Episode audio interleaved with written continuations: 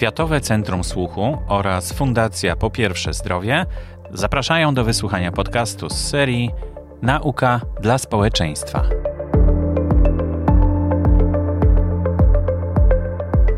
Zapraszam do wysłuchania wykładu pod tytułem Czy jesteśmy w stanie dostosować organizację leczenia chorych na nowotwory lub otyłość do wyzwań związanych z pandemią COVID-19? Wykład przedstawią profesor Bolesław Samoliński i dr Małgorzata Gałąska-Sobotka. Wykład ten odbył się podczas trzeciego kongresu Zdrowie Polaków w Światowym Centrum Słuchu w Kajetanach 26 października 2021 roku w ramach panelu ekspertów pod tytułem COVID-19 nowotwory, otyłość, pandemie współczesnego świata z perspektywy chirurgii. W opisie odcinka znajdują się nazwiska wykładowców i tytuły wystąpień oraz link do wideo na YouTube, a także link do programu trzeciego Kongresu Zdrowie Polaków.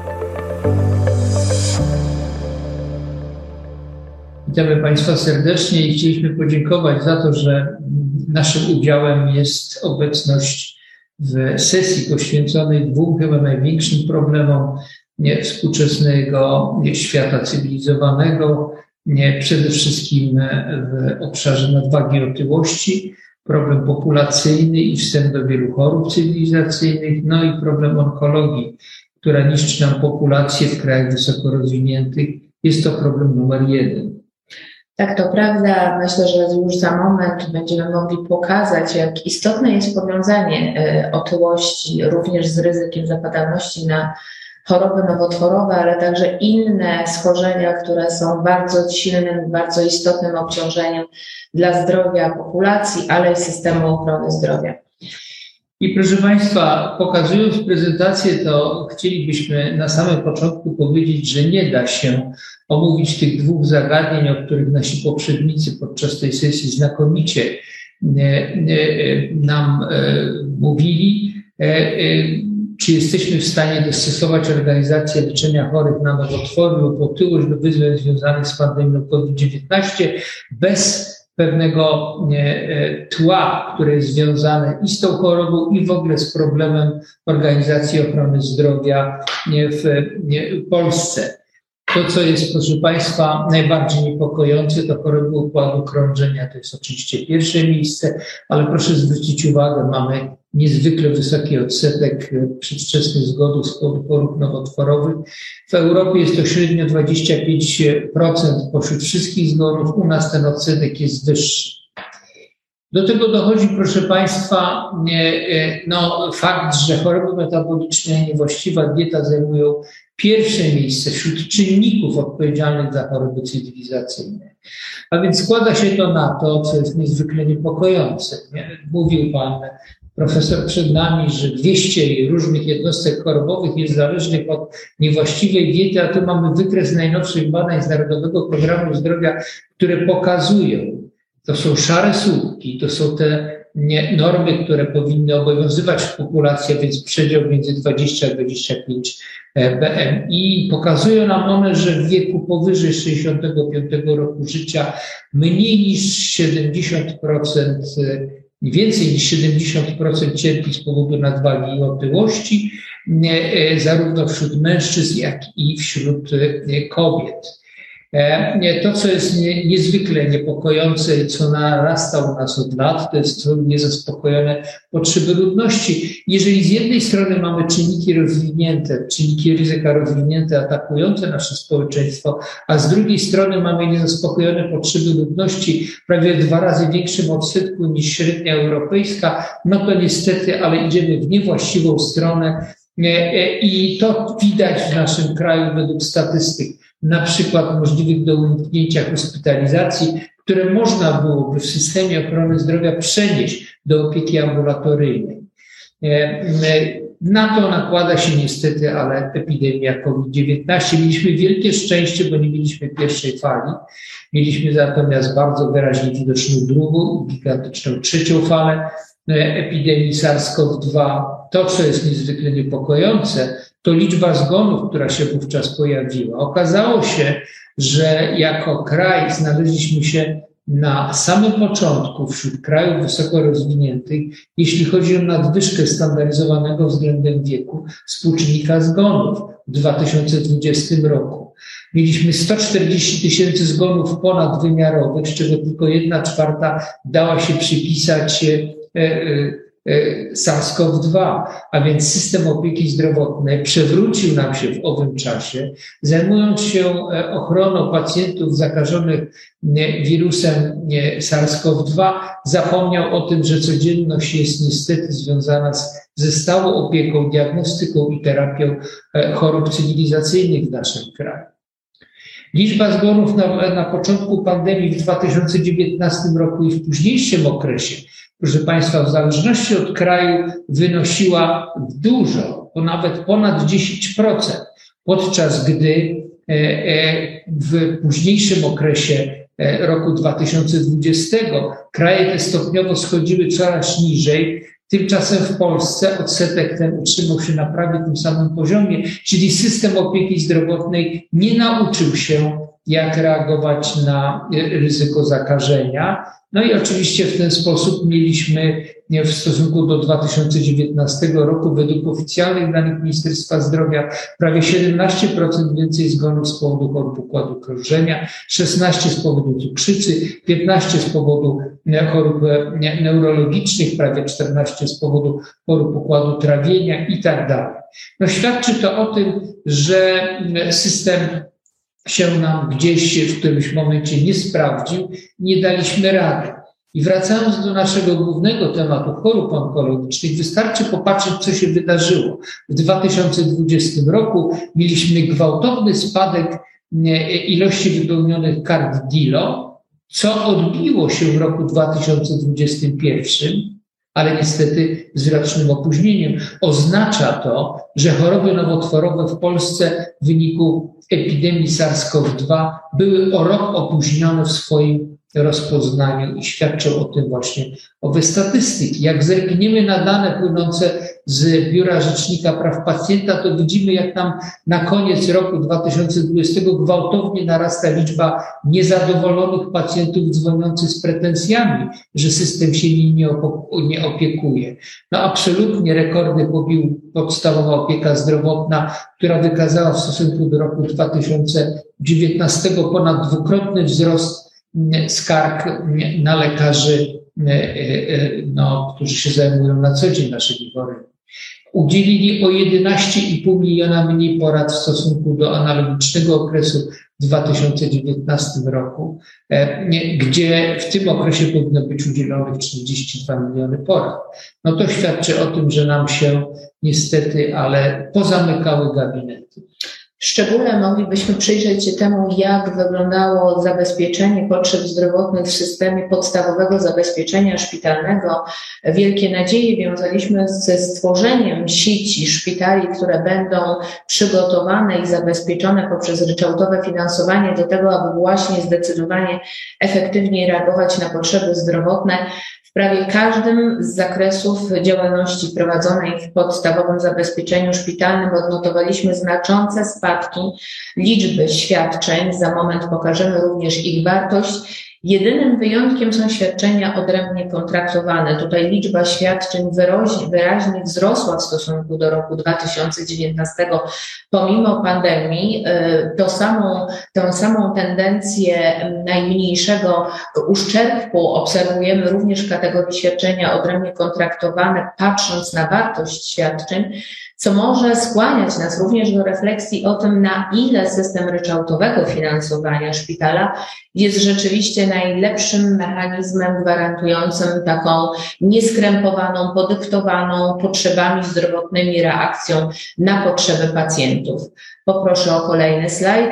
Tutaj na sieć szpitali patrzymy już z perspektywą poszczególnych rodzajów i poziomów e, zabezpieczenia szpitalnego i to, co powinno nas mimo wszystko nastrajać optymistycznie w zakresie lecznictwa onkologicznego, to to, że rzeczywiście w szpitalach onkologicznych odnotowano e, najmniejszy e, spadek, a tak naprawdę w przypadku wartości świadczeń to wiązało się z podniesieniem wycen, również obserwowany wzrost w stosunku do 2019 roku, co pozwala być może sformułować tezę, że rzeczywiście pacjenci objęci procesem leczenia tą opiekę w obszarze onkologii mieli ze wszystkich tych zakresów najlepiej zabezpieczoną.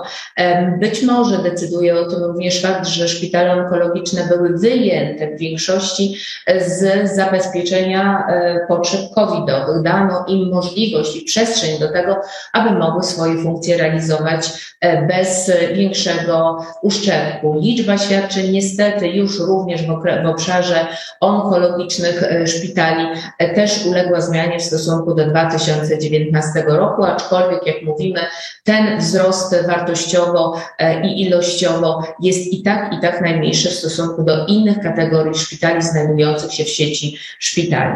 Poprosimy o następny slajd.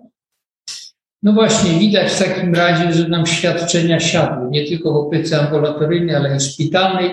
Mieliśmy średnio o prawie 20% mniej nie, świadczeń e, realizowanych w systemie opieki zamkniętej. No cóż, a spójrzmy, jakie były sytuacje ze strony pacjentów. To badanie przeprowadzone przez Fundację My Pacjenci na reprezentatywnej grupie Polaków pokazuje, że od początku pandemii e, nie korzystało bezpośrednio z konsultacji lekarskiej no, około 40% populacji. Natomiast jeśli E, nie dostał się do konsultacji lekarskiej, to pytanie na to, e, z jakiego powodu, sprawdziłem, że nie było możliwości odbycia wizyty bezpośredniej, aż 16%. Wystarczały mi teleporady 11, brak możliwości dodzwonienia się kolejne 8%. Obawa przed COVID-19 tylko 7,2% a przekonanie, że i tak będzie kłopotu, nie będę miał dostać się do lekarza, to kolejne 6%. A więc e, to, co powszechnie e, uzasadniało ten spadek zainteresowania systemem opieki zdrowotnej przez pacjentów, to obawa przed COVID-19 okazało się w badaniach absolutną nieprawdą. E, od początku pandemii, jak często korzystali z teleporady? No, okazało się, że dosyć często ci, którzy chodzili do lekarzy, nie aż jednym, e, jedna trzecia korzystała z teleporad, ale niestety aż 40% respondentów stwierdzało, iż nie uzyskali właściwej oceny, e, nie uzyskali właściwej porady, nie byli z niej zadowoleni, nie dostali tego, co chcieli.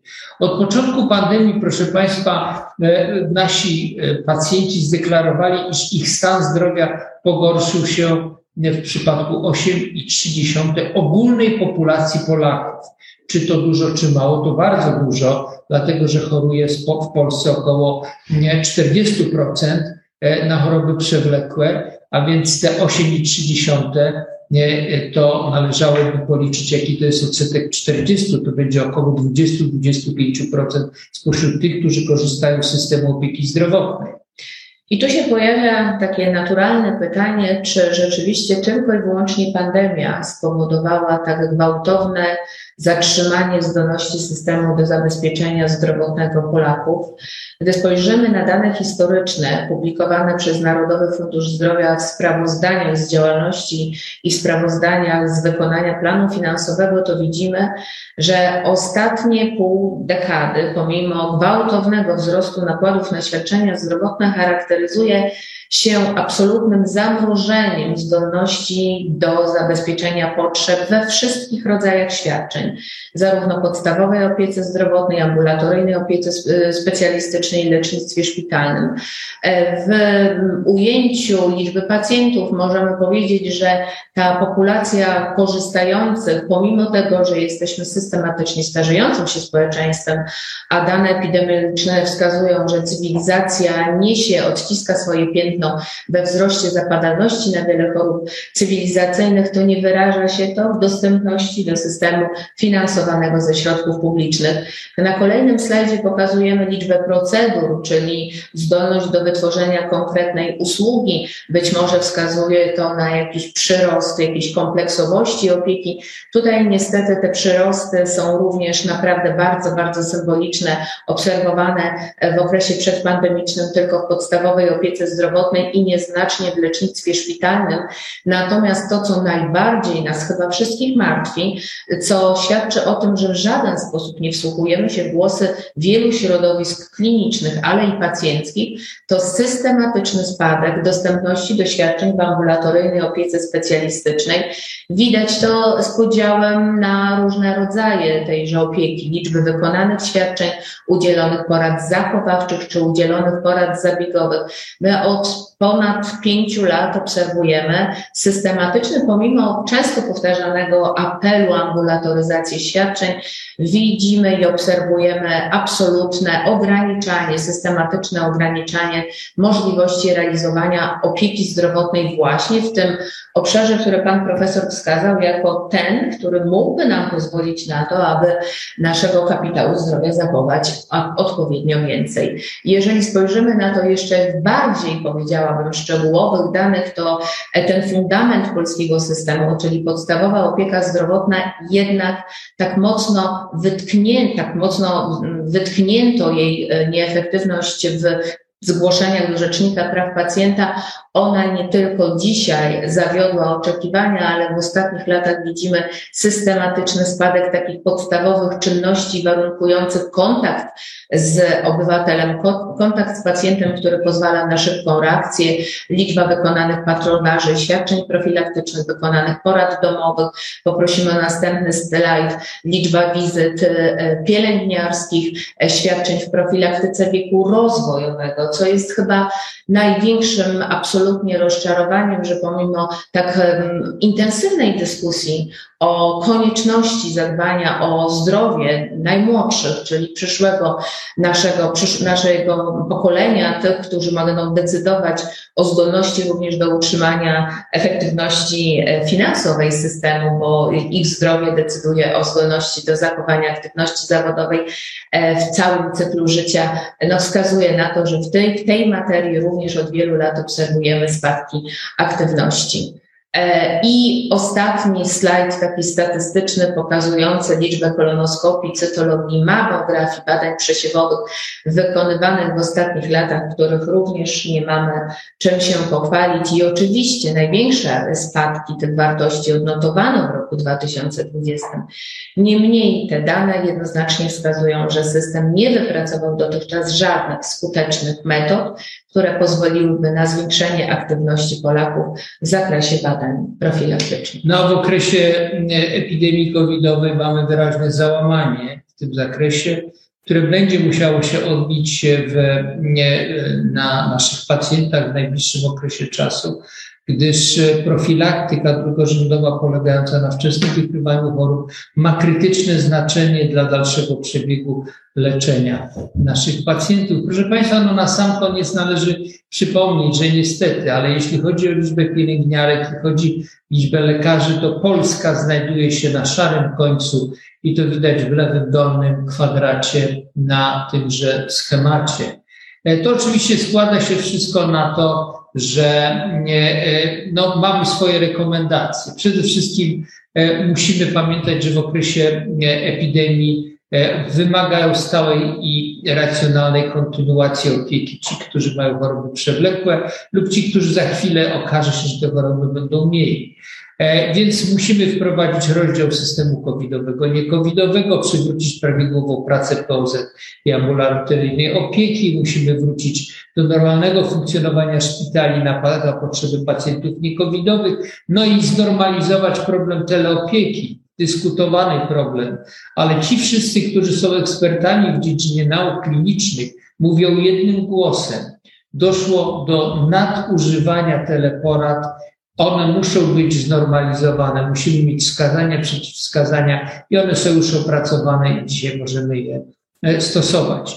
Co do takich ogólnych rekomendacji, no cóż, problematyka zdrowia publicznego, jak widać, załamała się w ostatnim okresie, szczególnie okresie covidowym. Musi być ona wprowadzona do priorytetu państwa, jak do polityki państwa, jako bardzo istotny element. Należy zlikwidować utrudnienia w dostępie do świadczeń, szczególnie onkologicznych, zwiększyć ilość pracowników i, proszę Państwa, zreformować płatność za świadczenia. Tu chodzi o to, żebyśmy odeszli od fee for service, gdyż jest to nieefektywny system i poszli w stronę takiego systemu, który pozwala na finansowanie świadczeń zdrowotnych zgodnie z otrzymanym efektem zdrowotnym. Myślę, że dopełnieniem tych rekomendacji jest również wskazanie, abyśmy w modyfikacji funkcjonowania polskiego systemu ochrony zdrowia odeszli do klasycznego i bardzo mocno utrwalonego spojrzenia na, na reformowanie i modyfikację działania pojedynczych jej segmentów, czyli podstawowej opieki zdrotnej, ambulatoryjnej opieki specjalistycznej, lecznictwa szpitalnego. Czas, abyśmy zaczęli zarządzać poszczególnymi e, e, jednostkami chorobowymi. Otyłość to jest jednostka chorobowa, która do tej pory w polskim systemie ochrony zdrowia nie znalazła żadnych kompleksowych, systemowych rozwiązań. Myślę, że e, pilotaż kompleksowej opieki specjalistycznej, bariatrycznej jest przykładem właśnie takiego modelu zintegrowanej opieki, angażującej wielu specjalistów wokół pacjenta, zorientowanej na płacenie nie za usługę, tylko za efekty leczenia.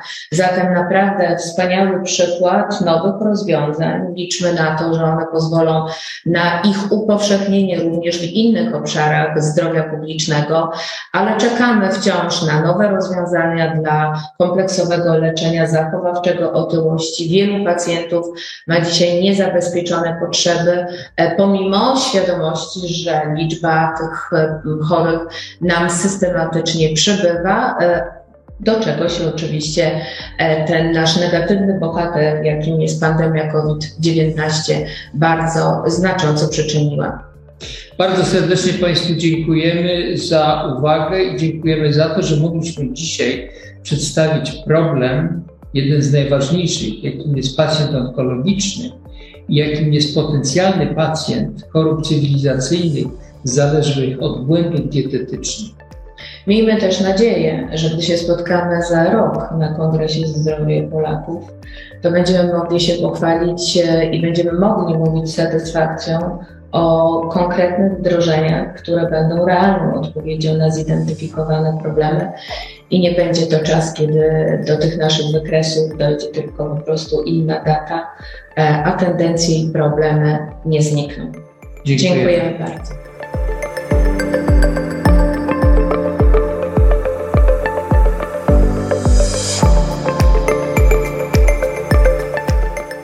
To był odcinek podcastu Nauka dla społeczeństwa. Zapraszamy do kontaktu poprzez e-maila mam pytanie małpa ifps.org.pl. Prezentowanych informacji o charakterze medycznym nie należy traktować jako wytycznych postępowania medycznego w stosunku do każdego pacjenta. O postępowaniu medycznym, w tym o zakresie i częstotliwości badań diagnostycznych i lub procedur terapeutycznych decyduje lekarz indywidualnie zgodnie ze wskazaniami medycznymi, które ustala po zapoznaniu się ze stanem pacjenta. Lekarz podejmuje decyzję w porozumieniu z pacjentem. W przypadku chęci realizacji badań nieobjętych wskazaniami lekarskimi, pacjent ma możliwość ich odpłatnego wykonania.